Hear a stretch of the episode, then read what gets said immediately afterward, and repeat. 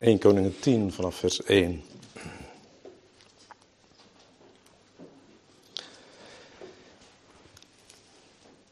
De koningin van Seba vernam de roep omtrent Salomo in verband met de naam des Heren. Toen kwam zij om hem door raadselen op de proef te stellen. Zij kwam dan naar Jeruzalem met een zeer groot gevolg, kamelen, beladen met specerijen, zeer veel goud en edelgesteente. Nadat zij bij Salomo gekomen was, sprak zij tot hem alles wat zij op haar hart had. En Salomo loste al haar vraagstukken op. Niets was voor de koning te diepzinnig om voor haar op te lossen. Toen de koningin van Seba al de wijsheid van Salomo zag en het huis dat hij gebouwd had, de spijzen van zijn tafel, het zitten van zijn dienaren, het staan van zijn bedienden en hun kleding, zijn dranken en zijn brandoffers die hij in het huis des Heren placht te brengen. Toen was zij buiten zichzelf. En zij zei tot de koning: Het is dus waar wat ik in mijn land over u en uw wijsheid gehoord heb. Maar ik geloofde de woorden niet, totdat ik kwam en het met eigen ogen zag. Waarlijk, de helft was mij niet aangezegd. Gij hebt in wijsheid en welvaart de roep overtroffen die ik vernomen had. Gelukkig zijn uw mannen, gelukkig deze dienaren van u, die gedurig in uw dienst staan, die uw wijsheid horen. Geprezen zij de Heer uw God, die zulk een welgevallen aan u had, dat hij u op de troon van Israël geplaatst heeft. Omdat de Heere Israël voor altoos lief heeft, hij, heeft hij u tot koning aangesteld om recht en gerechtigheid te oefenen. Zij gaf de koning 120 talenten goud, zeer veel specerijen en edelgesteenten. Zulke specerijen als de koningin van Seba en koning Salomo gaf, is er nooit meer aangekomen.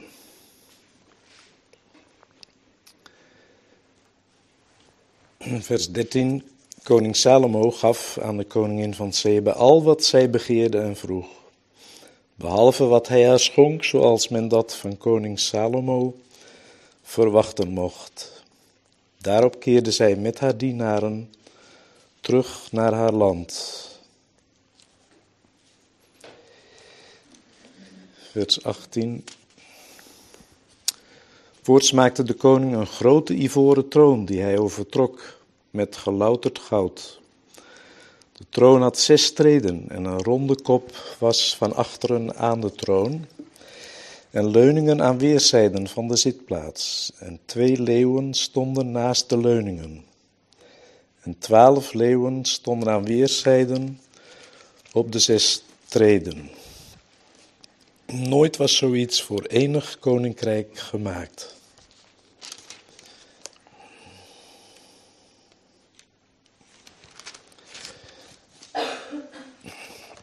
Dan nog iets uit Hebreeën 10, uit het Nieuwe Testament.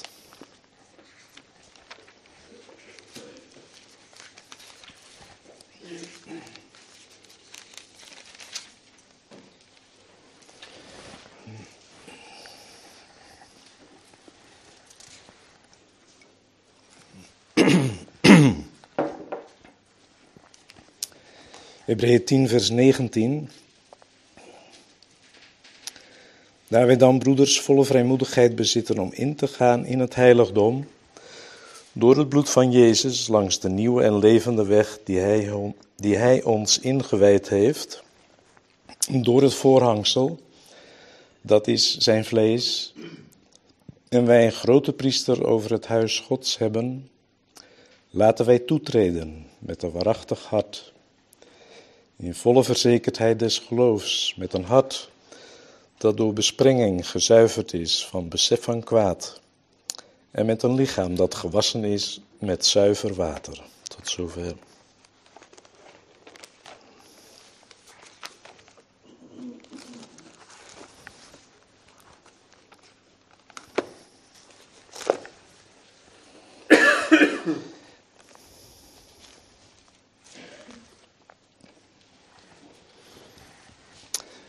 We hebben gezongen over de naam van de Heer Jezus. De naam van de Heer drukt uit wie Hij is. Zijn heerlijkheid, Zijn glorie, Zijn majesteit. In die naam hebben we als gelovigen alles gevonden. Kunnen we alles vinden wat we maar nodig hebben voor onze noden en behoeften. We hebben daarover gezongen in ons lied. En we mogen telkens komen tot de Heer, nader in zijn tegenwoordigheid en in Hem, bij Hem alles vinden wat we nodig hebben. Jezus' naam.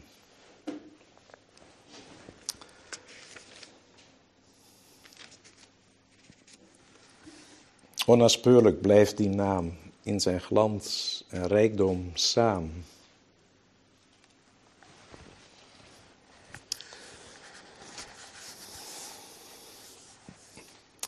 We hebben vanmorgen aan gedacht dat we als gelovigen vrije toegang hebben. Niet alleen vrije toegang tot de troon van de genade om met onze gebeden en smekingen binnen te gaan in het heiligdom, maar vooral, en daar denken we aan als we de Heer Jezus gedenken in zijn lijden en sterven, vooral met onze aanbidding. We mogen binnengaan in het heiligdom om priesterdienst te verrichten. We hebben vrije toegang tot God als gelovigen. Volle vrijmoedigheid. Voor het heiligdom van God staat geen bordje, verboden toegang. Maar er staat vrije toegang.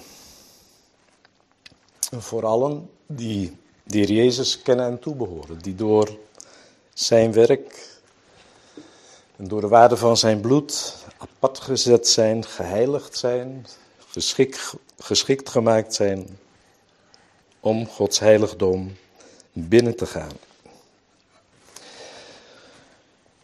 We mogen door het voorhangsel heen gaan. En dat voorhangsel, dat spreekt van het vlees van de Heer Jezus. Dat spreekt van zijn offerdood. We hebben daar vanmorgen aan gedacht. Dat voorhangsel is gescheurd van boven naar beneden. Zo is er een einde gekomen aan het bestaan van de Heer Jezus, aan zijn leven op aarde, zijn bestaan in het vlees. Dat is verbroken. Daar is plotseling een einde aangekomen. Zijn leven is afgesneden. Hier op aarde, zegt de profeet Jezaja. Maar hij is niet alleen gestorven voor onze zonden, hij is ook opgewekt tot onze rechtvaardiging. En we hebben nu een levende Heer. We hebben ook een grote priester over het huis van God. En dat is de Heer Jezus, die aan het hoofd staat van een hele familie, een gezelschap van priesters. Die binnen mogen gaan in het heiligdom. Hij is de bedienaar van het heiligdom. Lezen we in deze brief aan de Hebreeën. Hij leidt ons in onze aanbidding, in onze eredienst, in onze priesterdienst. We hebben een grote priester. En daarom hebben we hier die oproep in de Hebreeënbrief om te naderen, om toe te treden. Omdat we als gelovigen gereinigd zijn, geheiligd zijn, volkomen geschikt gemaakt zijn om als priesters dat heiligdom te betreden. weet, weet allemaal dat het heiligdom, de tabernakel, in drie delen verdeeld was. De voorhof, die omringd was door een wit gordijn. En in die voorhof stond het altaar, het koperen brandofferaltaar en het koperen wasvat. En als de priesters hun handen en voeten, meen ik ook, gewassen hadden, dan mochten ze het heiligdom binnengaan en konden ze daar dienst verrichten. Maar er was ook een tweede heiligdom, dat dus afgesloten was door dat voorhangsel. Wij mogen nu als gelovigen ook in dat binnenst heiligdom ingaan. En daar onze priesterdienst verrichten. Eigenlijk is dat, we weten dat daar in dat tweede heiligdom, het heilige der heiligen, dat daar de troon van God stond. Dat was dus eigenlijk de troonzaal, waarop God troonde boven de cherubim, die bevestigd waren boven het verzoendeksel. En voor ons is dat misschien een beetje een tegenstrijdige gedachte. Want we weten dat we kinderen van God zijn, dat de Vader ons lief heeft. En dat, we hebben daar vanmorgen ook aan gedacht dat we als kinderen van God aan het hart van de Vader gebracht zijn. Dat is dus een, een plaats van nabijheid, van intimiteit. Heel dicht bij God aan zijn hart. En dat lijkt dan een beetje tegenstrijdig om te denken aan de troonzaal. God die gezeten is op zijn troon, die wij mogen naderen, vol eerbied, vol aanbidding als priesters, bekleed met die prachtige priestergewaden, die witte gewaden. Maar het zijn natuurlijk beelden en de werkelijkheid van het Nieuwe Testament is zo rijk en zo heerlijk dat al die beelden nu hun vervulling hebben. Het is niet alleen priesterdienst die we mogen verrichten. We mogen ons ook weten in de nabijheid van de Vader, zoals de verloren zoon teruggebracht was aan het hart van de Vader. We mogen feest vieren.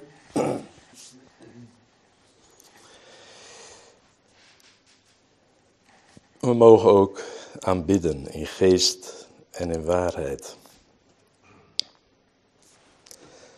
Al die dingen hebben nu hun plek in het leven van een gelovige. Want als u een gelovige bent, dan bent u een aanbidder, dan bent u een priester, dan mag u dat heiligdom binnengaan.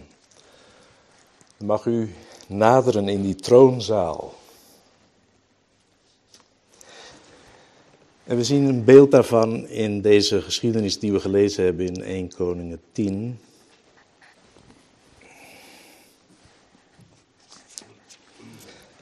Bezoek van de koningin van Sheba of Seba, zoals het in de nieuwe, nieuwere vertalingen luidt, aan koning Salomo. En de koningin van Seba had gehoord over koning Salomo in het land Israël. In verband met de naam des Heren, vers 1. 1 Koningen 10, vers 1.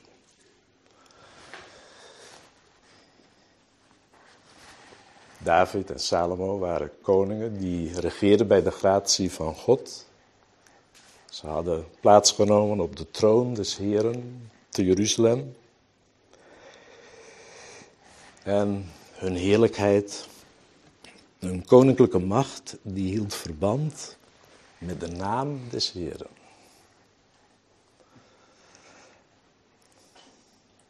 Eigenlijk hadden ze hun glorie te danken aan de Heere God. Die Israël verkoren had en die David verkoren had. En na hem koning Salomo. Om te regeren over zijn volk. De heerlijkheid van de naam van de Heer, die straalde af op deze koningen. Bijzonder op koning Salomo, die bekleed was met macht en luister en heerlijkheid. Maar die heerlijkheid van de Heer die straalde ook af, we zullen dat zien, op al die dienaren van koning Salomo. Dat hele gezelschap dat hem omringde. En zo is dat ook met ons. Alles wat we ontvangen hebben aan rijkdom, aan geestelijke rijkdom, aan zegen, dat hebben we te danken aan de naam van de Heer. Onnaspeurlijk blijft die naam in zijn glans en rijkdom samen. De koningin van Sheba die kwam met al haar vragen bij de koning Salomo. We hebben gezongen, moet ik vragend hier vaak gaan, boven zal ik het eens verstaan. Dat is ook zo. Krijgen hier op aarde niet altijd antwoord op onze vragen, op onze problemen. Maar toch, als we naar de Heer toe gaan, in het gebed tot Hem komen, dan mogen we Hem alles voorleggen. Alles wat ons bezighoudt. We mogen Hem alles vragen. koningin van Sheba die kwam met moeilijke vragen, met raadsels. Alles mogen we bij de Heer Jezus brengen. Alles wat we niet begrijpen. Alle levensraadsels. Alles wat onoplosbaar voor ons is. Wat we niet begrijpen. Onze moeilijkheden. Onze zorgen.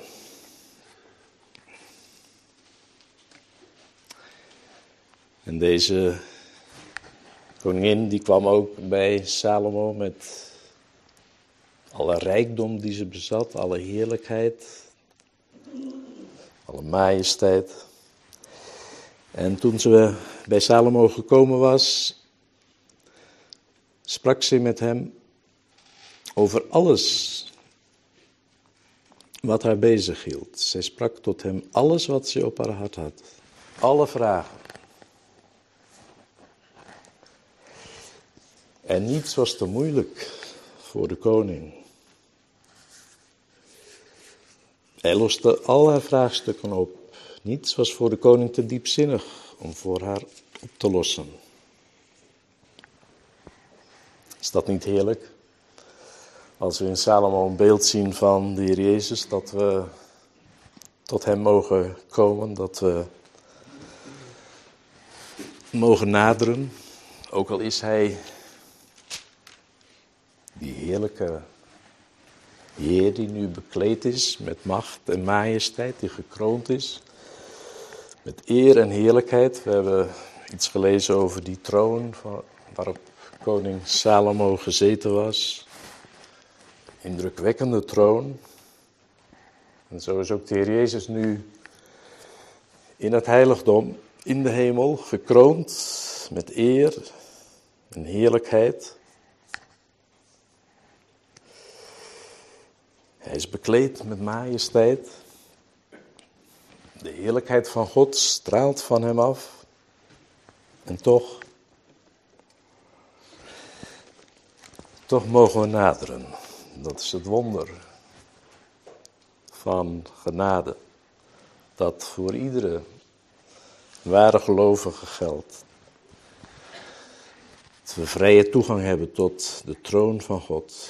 Die voor ons nu geen oordeelstroon meer is, maar de troon van de genade, Hebreeën 4.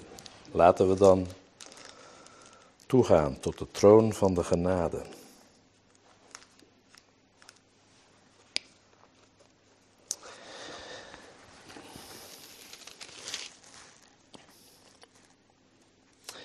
Toen de koningin van Seba al de wijsheid van Salomo zag, dat was het eerste wat ze zag van de koning toen ze bij hem was met haar gevolg. Al de wijsheid. In het Nieuwe Testament lezen we in de Colossense 2, meen ik, dat alle schatten van wijsheid en kennis verborgen zijn in Christus. Alle schatten van wijsheid en kennis, die zijn in Hem te vinden. Dus als we wijsheid zoeken, als we die begeren, dan moeten we bij de Heer Jezus zijn. Hij is de kracht en de wijsheid van God. Hij is de kracht van God en dat is gebleken doordat hij heerlijk is opgestaan uit de doden. Maar hij is ook de wijsheid van God in eigen persoon. Alle wijsheid van God is in hem te vinden en hij is ook de uitdrukking van de wijsheid van God. De volle openbaring daarvan. We kunnen het lezen in 1 Korinthe 2. En zoals gezegd in Colossense 2, alle schatten van wijsheid en kennis zijn in Hem te vinden. Is dat niet wonderlijk? In Heer Jezus als mens, die is neergedaald uit de hemel, die gestorven is, die begraven is, die is opgestaan uit de doden, die is teruggekeerd naar de hemel, dat in Hem alle schatten van wijsheid en kennis te vinden zijn. En dat Hij ook antwoord heeft op al onze vragen. En is het niet heerlijk dat we naar Hem toe mogen gaan met alles wat ons bezighoudt? Al de wijsheid van Salomo. Het tweede wat koningin zag, dat was het huis dat Salomo gebouwd had. En daarmee wordt de tempel bedoeld. Nu, dat kunnen we ook toepassen op deze tijd. Er is een huis van God hier op aarde. Een huis dat door de Heer Jezus gebouwd is. Op deze rots, zegt hij, zal ik mijn gemeente bouwen. De Heer Jezus zelf is de hoeksteen. En er is een fundament dat gelegd is.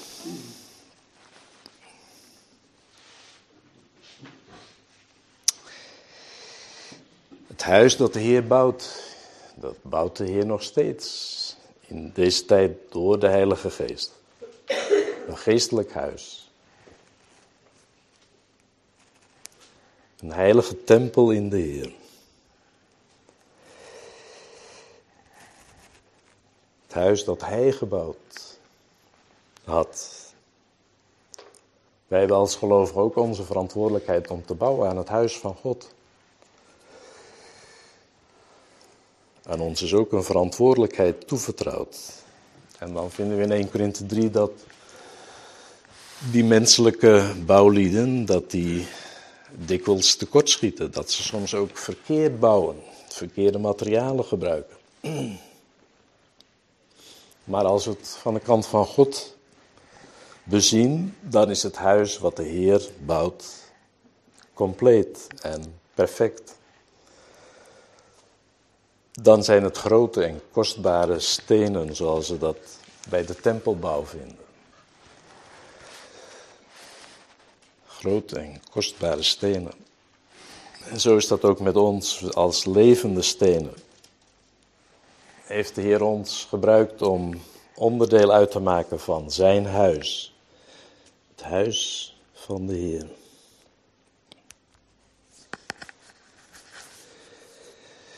Zijn we daarvan onder de indruk? Als we zo met elkaar samen zijn en als we ook iets weten van de geschiedenis van de gemeente en ook onze eigen geschiedenis, dan hebben we soms wel onze twijfels, misschien wel veel twijfels over dat huis. En toch, als we denken aan het huis dat de Heer bouwt, dan is dat volmaakt. En mogen we toch daarvan onder de indruk zijn. En we mogen ons afvragen, hoe zijn wij bezig als bouwlieden? Beantwoorden wij aan onze verantwoordelijkheid? Bouwen we in overeenstemming met de wil van de Heer? zodat anderen ook worden aangetrokken door de heerlijkheid van dat huis, dat geestelijke huis.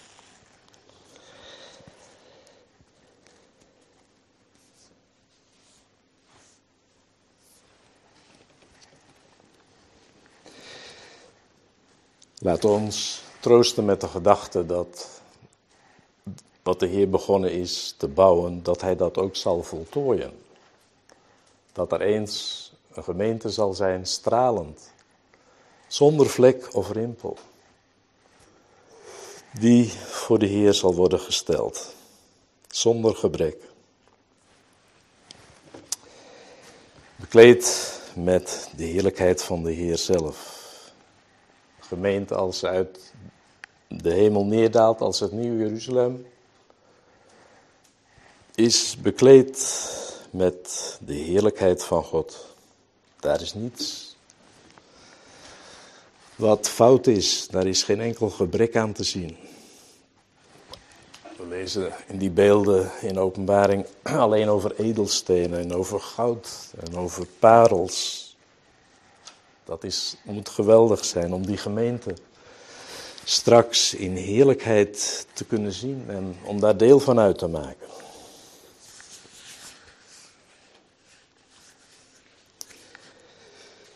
de spijzen van zijn tafel. Dat is ook zo'n geweldig onderwerp. Dat is ook iets om van onder de indruk te komen. De spijzen van zijn tafel.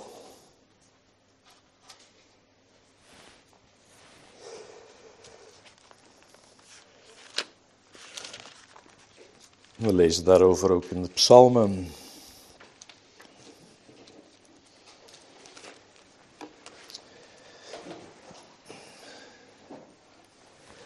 Denken we maar aan Psalm 23. Hij richt voor mij een dis aan.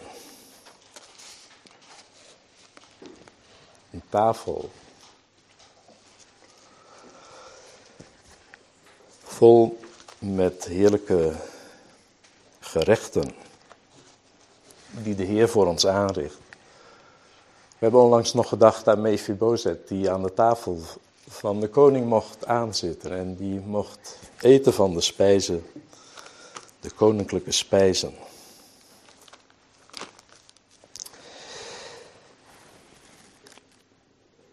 De spijzen van zijn tafel. Tafel van de Heer. Alles hoeven we niet alleen te denken aan de tekenen van brood en wijn, maar aan alles wat de Heer voor ons bereid heeft. Aan geestelijk voedsel. Dat mogen we tot ons nemen. We mogen ervan genieten, zodat we groeien in het geloof. We beginnen met de melk, de redelijke melk van het woord van God. Maar dan als we groeien in het geloof, dan komen daar ook die vaste spijzen. Die geschikt zijn voor volwassen gelovigen. Spijzen van zijn tafel. Hij heeft dat allemaal voor ons bereid.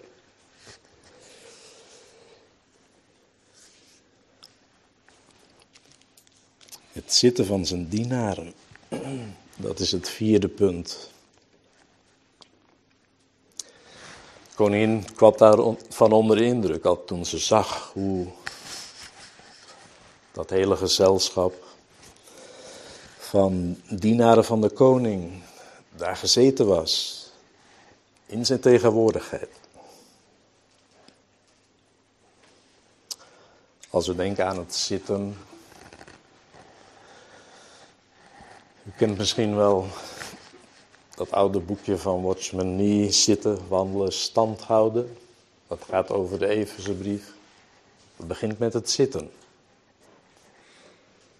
We zijn gezet in de hemelse gewesten. Wat een plaats, wat een voorrecht. Dat is echt wel iets om van onder de indruk te komen van die plek gezet in Christus, in de hemelse gewesten.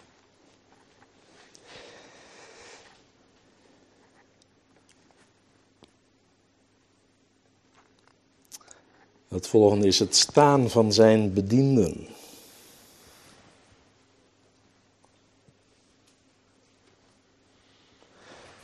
natuurlijk, in het gezelschap van de koning kun je niet alleen zitten. Er zijn mensen die staan om te bedienen.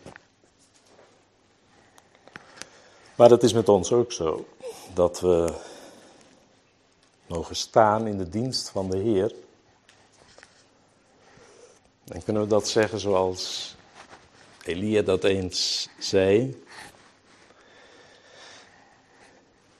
tegen koning Agab. Dat is maar een paar hoofdstukken verder in dit boek. Zo waar de Heer, de God van Israël, leeft, in wiens dienst ik sta.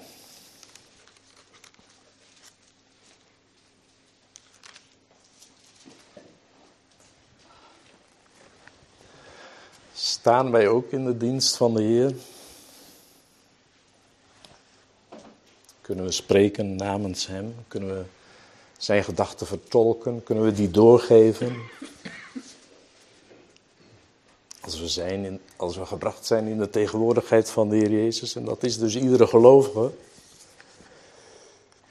die toegang heeft tot de tegenwoordigheid van de Heer, die mag binnenkomen in die troonzaal, om zo te zeggen. Staan we daar dan ook om de Heer te dienen? En gaan we vanuit zijn tegenwoordigheid weer naar buiten? Gaan we straks naar huis? En kunnen we dan iets doorgeven namens de Heer? Kunnen we de heerlijkheid van zijn naam openbaren? De heerlijkheid van zijn persoon? En hun kleding, we hebben al even gedacht.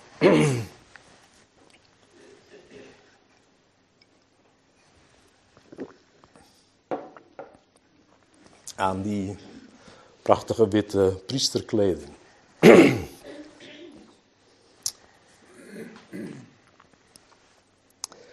Kleding van de dienstknechten van de koning.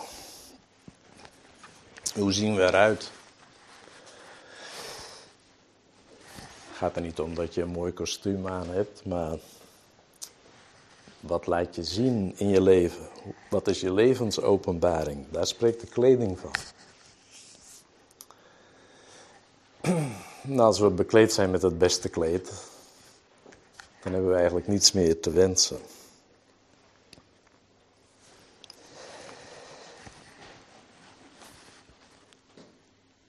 Hun kleding.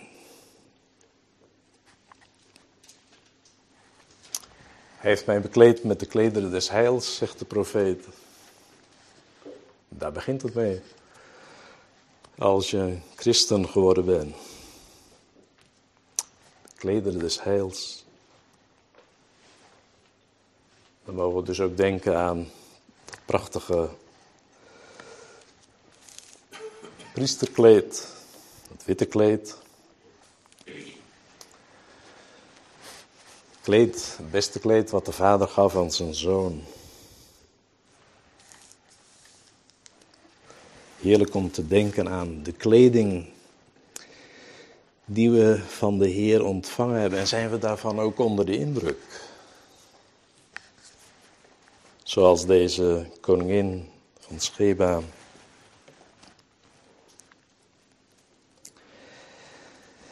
Zijn dranken ook iets om over na te denken.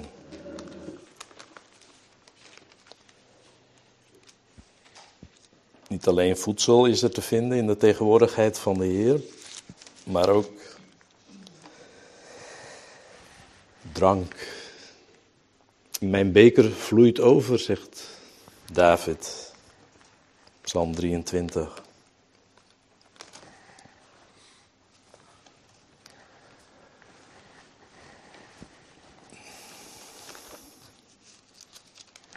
Zo zijn er, wel meer psalmen die spreken over de, de heerlijkheid van alles wat we vinden aan spijs en drank in de tegenwoordigheid van de Heer.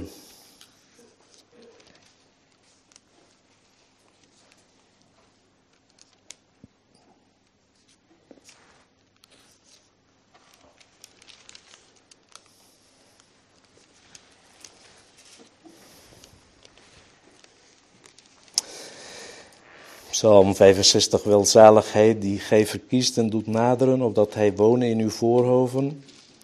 Wij zullen verzadigd worden met het goede van uw huis, het heilige van uw tempel.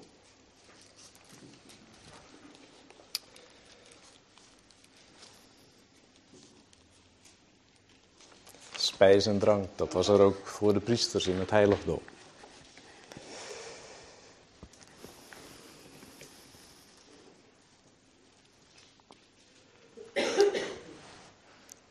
Genieten we daar ook van als gelovigen, als broeders en zusters, telkens weer opnieuw.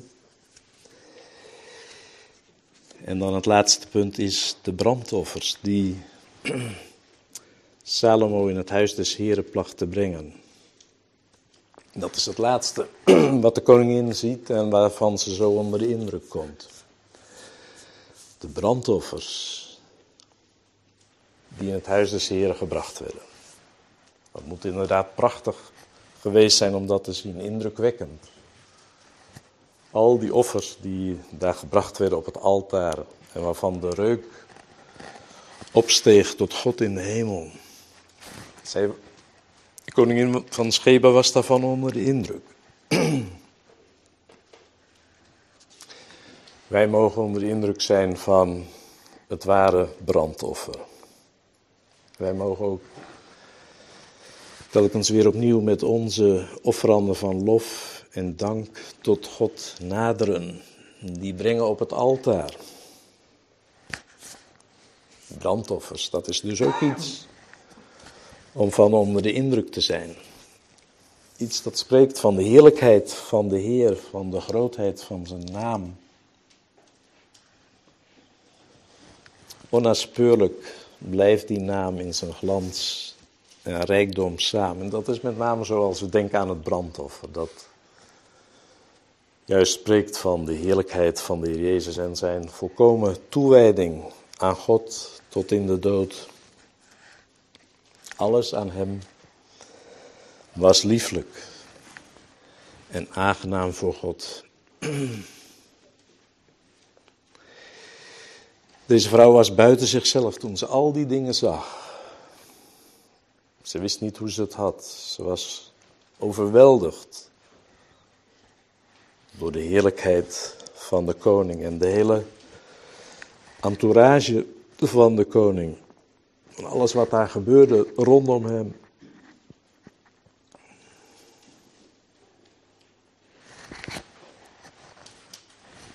En weet u, voor de mensen van deze wereld is het geloof niet zo aantrekkelijk. Daarom lezen we ook over het dragen van de smaadheid van Christus. Maar als we eenmaal weten wie Hij is, als we een persoonlijke ontmoeting met Hem gehad hebben, zoals hier deze vrouw, die onder de indruk kwam van de wijsheid van Salomo, zo is dat ook met ons, dan verandert dat. Dan gaan we het heerlijk vinden en kostbaar wat we bij de Heer Jezus vinden. Dan gaan we krijgen we waardering voor al die rijkdommen van de Heer en voor al die geestelijke zegeningen die bij Hem te vinden zijn en die we door het geloof ontvangen hebben. En wat hier gebeurt is natuurlijk in feite een voorproef van wat nog te komen staat in het heerlijke vrederijk. Als de volken, als de Heer Jezus gezeten zal zijn op de troon van zijn heerlijkheid. En de volken zullen optrekken naar Jeruzalem. En met hun geschenken zullen komen tot de vredevorst, de ware Salomo. Maar we mogen het dus geestelijk op onszelf toepassen in deze tijd. Het is waar wat ik in mijn land over uw wijsheid gehoord heb. Geloofde de woorden niet, totdat ik kwam en het met eigen ogen zag. Ja, we moeten zelf komen tot de Heer. Met al onze vragen. Om onder de indruk te komen van zijn wijsheid. Waarlijk, de helft was mij niet aangezegd. Gij hebt in wijsheid en welvaart een roep overtroffen die ik vernomen had.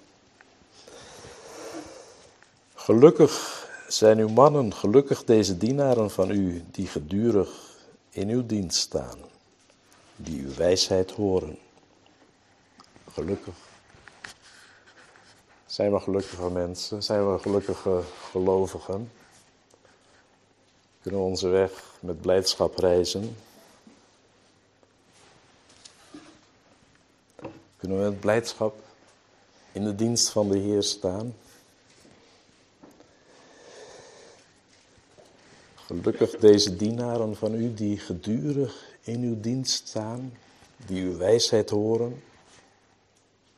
Zijn we bezig met de wijsheid van God, zoals we die vinden in de Heer en in het woord van God? Luisteren we naar zijn stem?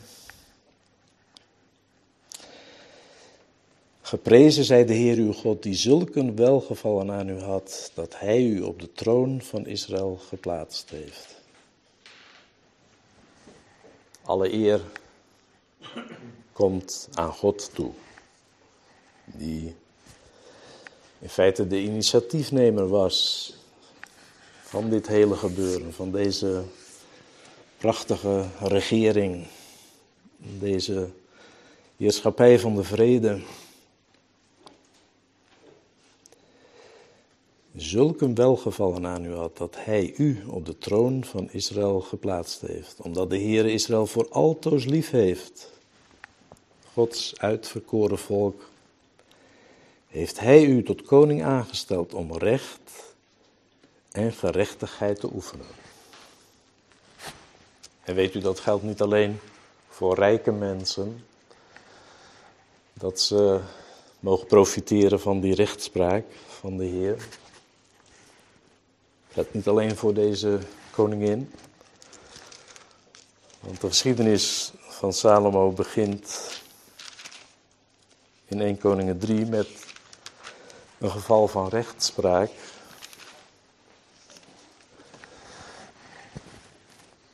En die betrof twee slechte vrouwen in Israël. Toen ter tijd kwamen twee vrouwen, hoeren, tot de koning en stelden zich voor hem. Ook deze mensen hadden toegang tot de koning. Dat is iets bijzonders geweest. En zo mag in deze tijd iedereen tot de Heer gaan. Met zijn, ook met zijn zonde. Kom tot mij, alle die vermoeid en belast zijt, en ik zal u rust geven. Maar er zijn ook gelovigen die rijk zijn, die een hoge maatschappelijke positie innemen. En ook die mogen komen tot Hem.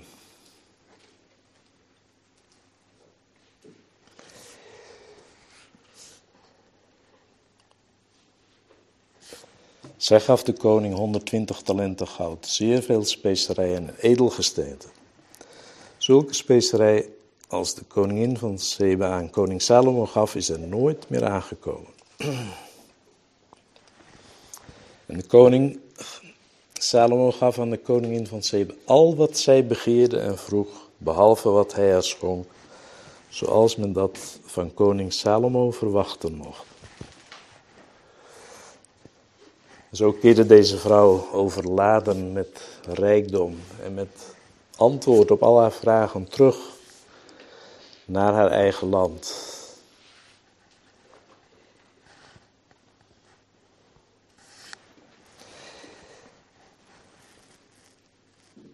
Alles wat ze begeerde en vroeg,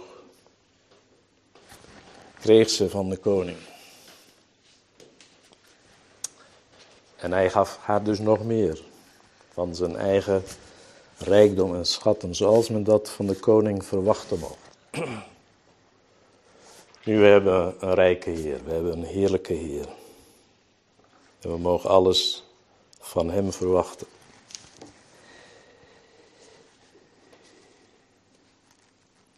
Ik wil nog iets zeggen over die grote ivoren troon. Ik vind dat een prachtig onderwerp omdat dat iets tekent van de majesteit van de Heer. We hebben in de Bijbelbespreking gedacht aan de rechterstoel van Christus. ik denk eigenlijk dat we het daarmee kunnen vergelijken. We zullen alle gesteld worden voor de rechterstoel van Christus. Maar, en dat is het wonderlijke van het geloof, dat we dus nu al in de geest mogen ingaan in het heiligdom, die troonzaal mogen betreden. En dat we nu al bij Hem mogen komen. Het zal niet alleen straks gebeuren, dat we voor die rechterstoel gesteld worden, maar nu al hebben we daar een plek. Nu al mogen we onder indruk komen van de majesteit van de Heer, van zijn grootte.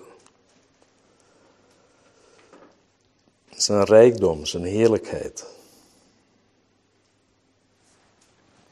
Alle gezag is hem gegeven. daarvan spreekt die troon. Telkens een treetje hoger. Zes treden en dan aan weerszijden twee leeuwen op die treden. Die spreken van de koninklijke macht. De leeuw is de koning van de dieren.